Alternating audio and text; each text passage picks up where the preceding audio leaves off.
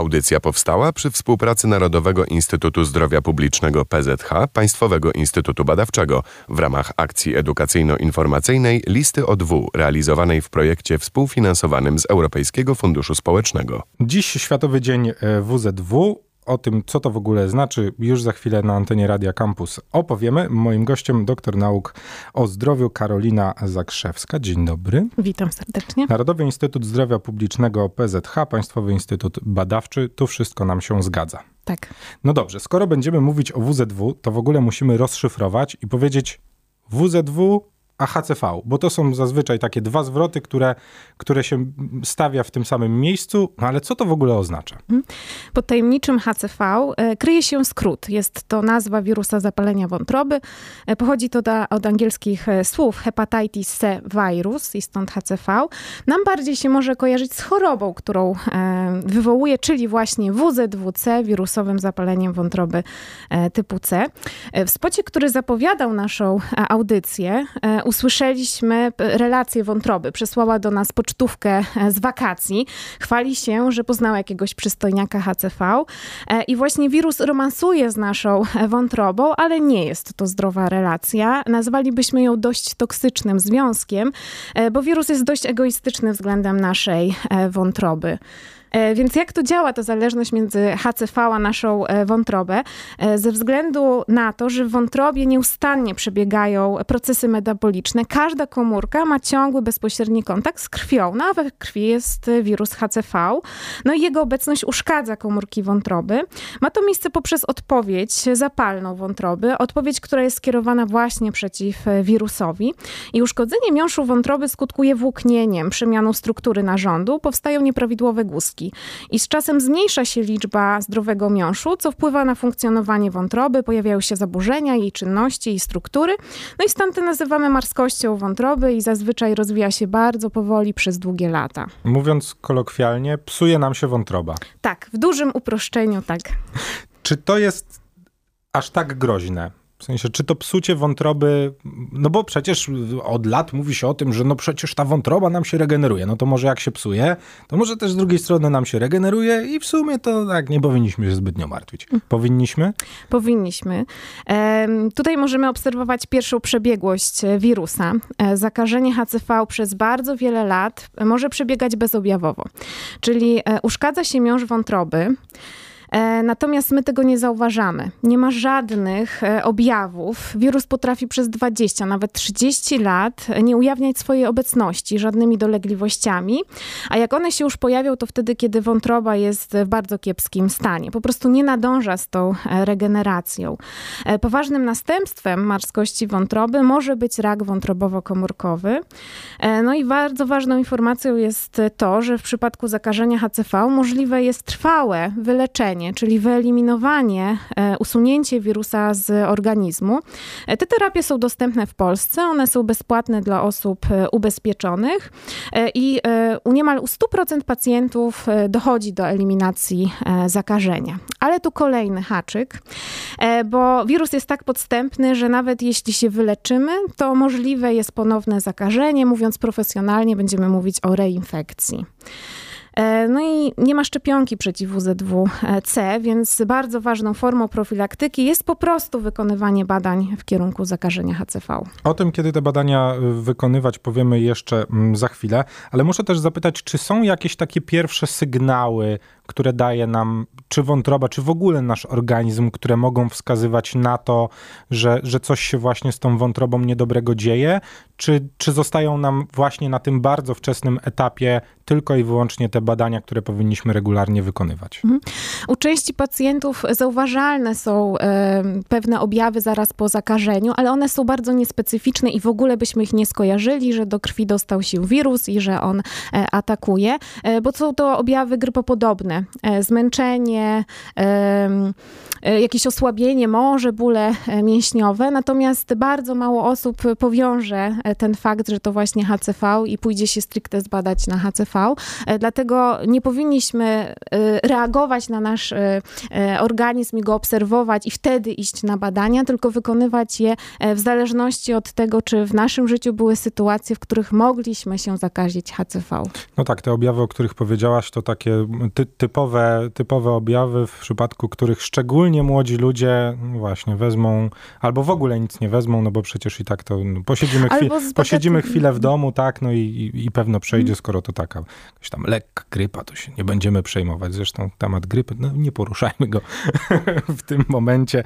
No właśnie, tu muszę zapytać o te badania, bo wspomnieliśmy, że, że to taki podstępny trochę wirus, którym może sobie siedzieć u nas w organizmie i, i, i możemy w ogóle przez 20 czy 30 lat nie wiedzieć, że jesteśmy zakażeni. To kiedy powinniśmy się zbadać po raz pierwszy i czy ten, ten moment jest jakoś ściśle, ściśle wyznaczony? Nie wiem, kończymy 18 rok życia, pierwsze badanie. E, żeby odpowiedzieć na to pytanie, trzeba byłoby zrozumieć specyfikę, jak można się e, zakazić e, wirusem. Ale może wcześniej na szybko opowiem, na czym polegają badania, bo badania to nie jest badanie wątroby, chociaż ono też się może zdarzyć, żeby sprawdzić, jak wygląda jej stan. Natomiast testy w kierunku zakażenia HCV to badania z krwi. Najczęściej najpierw oznaczamy markery zakażenia, szukamy, czy we krwi obecne są przeciwciała anty-HCV. To co ważne, że do badania nie trzeba się przygotować przygotowywać. Na przykład nie trzeba być na czczo, więc można je wykonać o każdej porze e, dnia. E, jeśli wynik jest dodatni badań e, w kierunku przeciwciał anty-HCV, oznacza to, że posiadamy przeciwciała i tak do końca o niczym nam to nie mówi, bo i osoby zakażone, i osoby wyleczone mogą mieć te przeciwciała, więc wtedy konieczne jest badanie potwierdzenia. Trzeba sprawdzić, czy faktycznie wirus znajduje się w organizmie i wtedy szukamy materiału genetycznego wirusa, czyli HCV RNA. To musisz mi powiedzieć w takim razie, jak można się takim wirusem zakazić. Czy to jest, e, no właśnie, sprawa skomplikowana, czy wręcz przeciwnie, bardzo, bardzo prosta? E, w przypadku wirusa HCV do zakażeń dochodzi przez kontakt z zakażoną krwią. Do zakażenia może dojść wszędzie tam, e, gdzie ma miejsce przerwanie ciągłości tkanek, czyli na przykład uszkodzenie skóry i może to się stać na skutek nacięcia, nakłucia skóry w sposób przypadkowy lub celowy, na przykład poprzez zastrzyk, ale musi jednocześnie istnieć możliwość kontaktu z zakażoną wirusem HCV krwią, więc tutaj niekonkretne miejsce typu szpital, salon tatuażu czy salon kosmetyczny ma znaczenie, tylko sytuacja, czyli w której dochodzi do przerwania ciągłości tkanek i ma miejsce kontakt z zakażoną e, krwią. E, to co ważne, wirus HCV znajduje się nie tylko w świeżej krwi osoby zakażonej, ale także w śladowych ilościach pozostawianych na używanych wcześniej narzędziach, czyli na przykład zaschnięta krew niewidoczna gołym okiem na cążkach do skórek. Słuchaj, ale czy te punkty, o których powiedziałaś, czyli właśnie te, które zazwyczaj nam się kojarzą tym, którzy mieli jakąkolwiek styczność z, z tematyką HCV, czy, czy właśnie ten szpital, salon tatuażu, salon kosmetyczny, fryzjer, czyli te miejsca, czy my możemy je nazwać no, takim miejscem podwyższonego ryzyka. To chyba tak nie działa. E, I tutaj chciałabym obalić pewien mit, e, bo to właśnie nie chodzi o to, że e, jak ktoś ma tatuaże, no to już fajnie, żeby się stestował, natomiast powinien przeanalizować indywidualnie, w jakich warunkach odbył się ten tatuaż, bo zagrożeniem w krajach europejskich jest tatuaż wykonany w niesterylnych warunkach. Więc to niekoniecznie myślę o studiach tatuażu, które mają Y, procedury i ich y, przestrzegają, ale na przykład tatuaż więzienny, tatuaż y, robiony rytualnie albo gdzieś w domowym zaciszu kolega koledze, na pewno jest to większe ryzyko przeniesienia zakażenia.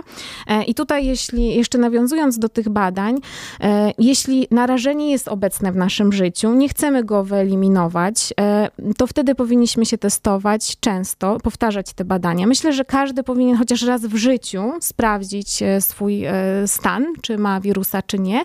Natomiast e, ciągła ważna jest ta analiza faktycznie tych sytuacji, czyli nie myślmy o tym, że byliśmy w studiu tatuażu, tylko pomyślmy, że mieliśmy tatuaż, jak on był wykonany, czy mamy jakieś znaki zapytania, że faktycznie coś wzbudza nasze zaniepokojenie, to wtedy pójdźmy i zróbmy badanie. Albo jak mamy często jakieś sytuacje intymne i nie wiemy, czy z osobą zakażoną, czy nie, będzie Z mogło... innymi partnerami dodajmy, bo to też jest dosyć istotne w tej kwestii. I że... tak i nie, bo jeśli mamy z, stałe kontakty z jedną osobą, która jest zakażona, która o tym nie wie, mamy jakieś praktyki, które uszkadzają, przerywają ciągłość tkanek, no to wtedy te badania powinny być częściej. Tak najczęściej, najczęściej to zalecza się, że nawet co pół roku, co sześć miesięcy. Właśnie wyprzedziłaś moje pytanie, bo miałem zapytać o to, z jaką częstotliwością powinno się takie badania wykonywać. No ale skoro, myślę, że tak, jeżeli mówisz, że około 6 miesięcy taki okres, to czy jeżeli przyjmiemy sobie i wbijemy sobie w kalendarz, żeby nasz mądry telefon przypominał nam raz do roku, to też będzie ok? E, to Czy jest wszystko... to rozsądne? Znaczy, oczywiście, bo wyobrażam sobie teraz sytuację, że no właśnie, po takiej sytuacji stykowej, czyli nie wiem, zakochałem się, trzymajmy się tego tatuażu, zakochałem się w jakimś artyście, pojechałem do Katowic, no i to miejsce było takie mm, średnie, ale przecież już się napaliłem, to rozumiem, że po takiej wizycie dobrze by było pójść i się przebadać po prostu. Tak, e, więc tutaj też e, to wpisanie do kalendarza e, tych badań, fajnie jakby tak było, ale no też nie dajmy się zwariować, po prostu indywidualnie oceniajmy, róbmy porządną analizę, gdzie w naszym życiu życiu, w jakich sytuacjach mogło dojść e, do zakażenia e, i wtedy e, zintensyfikujmy testowanie się. Skoro już wiemy, jakie są zagrożenia, to musimy powiedzieć nieco o tym, czy można w ogóle o tę naszą wątrobę jakoś zadbać i czy możemy się przyczynić do tego, żeby ta nasza wątroba była jak, w jak najlepszej kondycji. E, już ustaliliśmy, że wątrobie szkodzi wirus HCV, e, który e, wywołuje wirusowe zapalenie wątroby typu C, tak zwane WZWC.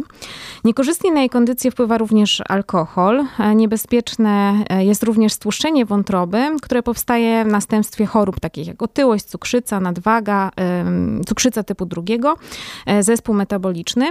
I wszystkie te czynniki mogą prowadzić do marskości wątroby, z której może rozwinąć się rak wątrobowo-komórkowy. Więc od, w odpowiedzi na pytanie, jak zatem dobrze dbać o naszą wątrobę, to po pierwsze powinniśmy się badać. E, I o badania mam tu na myśli w kierunku zakażenia HCV. Jest to niezwykle ważne ze względu na mnogość sytuacji, w których może dochodzić do zakażenia. Jego wczesne wykrycie, wykrycie wirusa, e, może uchronić nas od poważnych następstw, e, może sprawić, że podejmiemy leczenie, zanim wirus zniszczy naszą e, wątrobę. E, I e, jeśli narażenie jest zwiększone, czyli w naszym życiu obecne są liczne sytuacje, gdzie dochodzi do przerwania ciągłości tkanek i istnieje to ryzyko kontaktu z zakażoną krwią, badania powinniśmy wykonywać regularnie, nawet co 6 miesięcy, jeśli to narażenie jest stale obecne. Czyli po pierwsze, badajmy się. Dokładnie, ale tu konkretnie w kierunku zakażenia HCV. Po drugie, powinniśmy się leczyć. Czyli jeśli jesteśmy osobą zakażoną HCV, to powinniśmy zatroszczyć się o siebie i skierować się do klinik chorób e, zakaźnych. Rozpoczynając leczenie, zapobiegniemy wszystkim negatywnym skutkom e, zakażenia, zmniejszymy również ryzyko rozwoju raka wątrobowo-komórkowego i to co ważne, też zmniejszymy ryzyko, że zakazimy swoich bliskich. I w przypadku HCV możliwe jest trwałe wyleczenie, czyli całkowite usunięcie wirusa z organizmu i w Polsce dostępne terapie, one są bezpłatnie dla osób e, ubezpieczonych. E, praktycznie u 100% pacjentów dochodzi do eliminacji wirusa, ale to, co musimy wiedzieć i pamiętać, że nie mamy trwałej odporności, nawet po tym, jak się wyleczyliśmy. Jeśli będzie dochodzić do sytuacji, e, gdzie uszkodzone tkanki będą miały kontakt z zakażoną krwią, możliwe jest ponowne zakażenie się. Czyli po prostu, jeżeli już się wyleczymy, to znowu wracamy do punktu numer jeden, badajmy się. Dokładnie tak. E, po trzecie, to zapobiegajmy.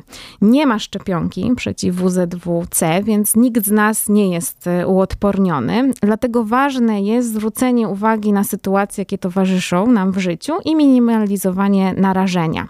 Ograniczajmy sytuacje, w których może dojść do przerwania ciągłości tkanek i kontaktu z zakażoną e, krwią.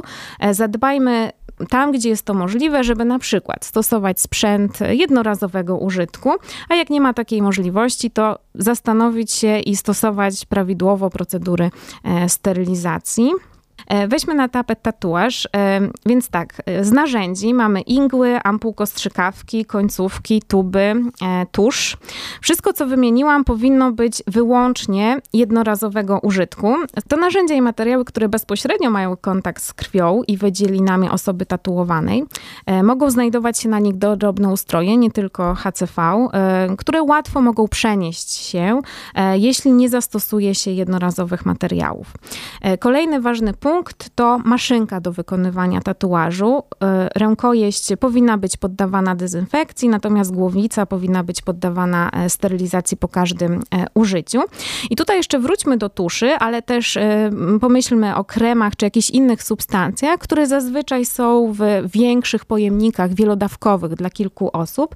I tu zwróćmy uwagę, żeby nie zanieczyścić na przykład tuszy. Czyli już to jest powszechnie stosowane, że tusze przelewa się do jednorazowych e, pojemniczków, ale też zwróćmy, czy to już jest pierwszy e, punkt bardzo ważny, natomiast jeszcze zwróćmy uwagę, że nawet przy jednej osobie, której e, robi się tatuaż i podczas tego samego zabiegu, jak kilka razy wyciągamy z tego wielodawkowego pojemnika tusz, to zwróćmy uwagę, żeby robić to czystym narzędziem. E, no i wtedy wszystkie te działania zmniejszają ryzyko, że właśnie zanieczyścimy i przez to przeniesiemy e, wirus na kolejne e, osoby. Moglibyśmy tu opowiedzieć, jak wygląda dobre studio tatuażu i co powinniście w nim znaleźć, ale jeżeli macie jakiekolwiek wątpliwości i nigdy w takim nie byliście, to na pierwszy tatuaż po prostu zabierzcie ze sobą kogoś, kto już je ma. Tak będzie po prostu najprościej. Bo moglibyśmy oczywiście mówić o tym, że no przecież w większości, tak strzelam, że w większości studiów tatuażu, które utrzymują się i są od lat y, w całej Polsce porozrzucane, no to jednak jest ten ceremoniał tego, że wszystko robi się przy osobie tatuowanej, łącznie z tym, że wykłada się na stół zapakowane igły, które dopiero przy nas i na naszych oczach, mimo że zapewne jest to w połowie nieświadome, to te igły mimo wszystko otwierane są dopiero w momencie, kiedy, kiedy my siadamy na fotel i, i mamy wtedy pewność, mhm. że, że wszystko będzie ok. No więc znów trzeba mhm. apelować o, o to, żeby mieć trochę oczy dookoła głowy i myśleć o tym, gdzie to przede wszystkim i czy tam wszystko jest ok i nie bać się ewentualnie tego, żeby powiedzieć, dobra, wychodzę, nie czuję się tu bezpiecznie, tak? Mhm. E, tak, całkowicie popieram, tylko znowu podkreślam, że e, to niekoniecznie studia tatuażu. Tatuaż możemy robić w różnych warunkach, w różnych krajach, w różnych sytuacjach, e, więc tutaj zwróćmy szczególną uwagę właśnie Szczególnie jeśli to się odbywa poza profesjonalnym studiem tatuażu. Czy my na zakończenie tej rozmowy możemy powiedzieć o tym, czy Polacy w ogóle są świadomi tego zakażenia? Czy, czy my mamy jakieś informacje a propos tego, czy no właśnie, czy statystyczny Kowalski, statystyczna Kowalska zdaje sobie sprawę z tego, jak łatwo jest zarazić się tym wirusem i jakie są w ogóle konsekwencje nieleczenia, niebadania? Więc w e, odpytywaniu z wiedzy teoretycznej Polacy e, radzą sobie całkiem nieźle. Większość, 80% w badaniach, które przeprowadzaliśmy przed kampanią, e, słyszała o WZWC, jest w stanie poprawnie wskazać, że do zakażenia wirusem HCV dochodzi poprzez kontakt z krwią albo z narzędziami nieodpowiednio wysterylizowanymi. Natomiast nie ma to przełożenia na działania, czyli przede wszystkim nie testujemy się, nie jest to w kalendarzu naszych badań badań. E, w badaniach, które w Instytucie realizowaliśmy w latach 2012-2016, u osób, u których rozpoznaliśmy zakażenie, 71% mężczyzn i 84% kobiet nie wiedziało, że są osobami zakażonymi. E, I stąd Narodowy Instytut Zdrowia Publicznego, PZH, Państwowy Instytut Badawczy, przygotował kampanię edukacyjno-informacyjną realizowaną w ramach projektu współfinansowanego ze środków Europejskiego Funduszu Społecznego w ramach programu operacyjnego Wiedza, Edukacja, Rozwój na lata 2014-2020. E, I kampania nazywa się Listy od W, e, czyli listy od wątroby. Ponieważ wątroba przedstawiana jest jako bardzo wyjątkowy narząd, ale ale ona nie boli. Nie może nam więc bezpośrednio powiedzieć, że dzieje się z nią coś e, złego. E, dlatego w kampanii Listy od W e, wątroba daje nam znać za pomocą listów, e-maili, wiadomości pozostawianych na automatycznej sekretarce czy pocztówki z wakacji. E, twarzami kampanii zostały znane, lubiane postacie filmu i internetu. Jeśli chcecie zobaczyć, kto nas wspiera, to nie czekajcie, zajrzyjcie na Facebooka, szukajcie listy ODW. E, zajrzyjcie jeszcze koniecznie na stronę wątrobanieboli.pzh.gov.pl. No i gdy macie jakiekolwiek wątpliwości, to tam też można sięgać po więcej informacji, a jeżeli no właśnie chcielibyście wykonać e, takie badanie lub macie jakieś niepewności, pójdźcie do swojego lekarza, podpytajcie, zapytajcie. Y, zachęcam do wejścia na stronę, poszukania zakładki, jak skorzystać e, z programu, bo e, obecnie oferujemy szybkie testy z krwi w kierunku HCV w sześciu województwach w Polsce. Może, a nuż znajdą się na liście wakacyjnych wojaży i warto tam zajrzeć. Warto się tym tematem zainteresować, żebyśmy potem sobie w brodę nie pluli, że kiedyś jakiegoś badania żeśmy nie wykonali, szczególnie jak zrobimy taki rachunek sumienia, o którym mówiłaś i prześledzimy te etapy naszego życia, które mogły spowodować to, że możemy być nieco bardziej narażeni właśnie na to mm, zakażenie. Dziś Światowy Dzień WZW, dlatego apelujemy y, tutaj razem o to, żeby, no właśnie, może nieco bardziej się zainteresować i no i ten rachunek sumienia, tak go nazwijmy, po prostu sobie dziś zrobić. Doktor nauk o zdrowiu Karolina Zakrzewska, Narodowy Instytut Zdrowia Publicznego PZH, Państwowy Instytut Badawczy. Bardzo dziękuję za tą lekcję. Dziękuję serdecznie. No i wiecie, gdzie szukać więcej informacji. Audycja powstała przy współpracy Narodowego Instytutu Zdrowia Publicznego PZH, Państwowego Instytutu Badawczego w ramach akcji edukacyjno-informacyjnej Listy ODW realizowanej w projekcie współfinansowanym z Europejskiego Funduszu Społecznego.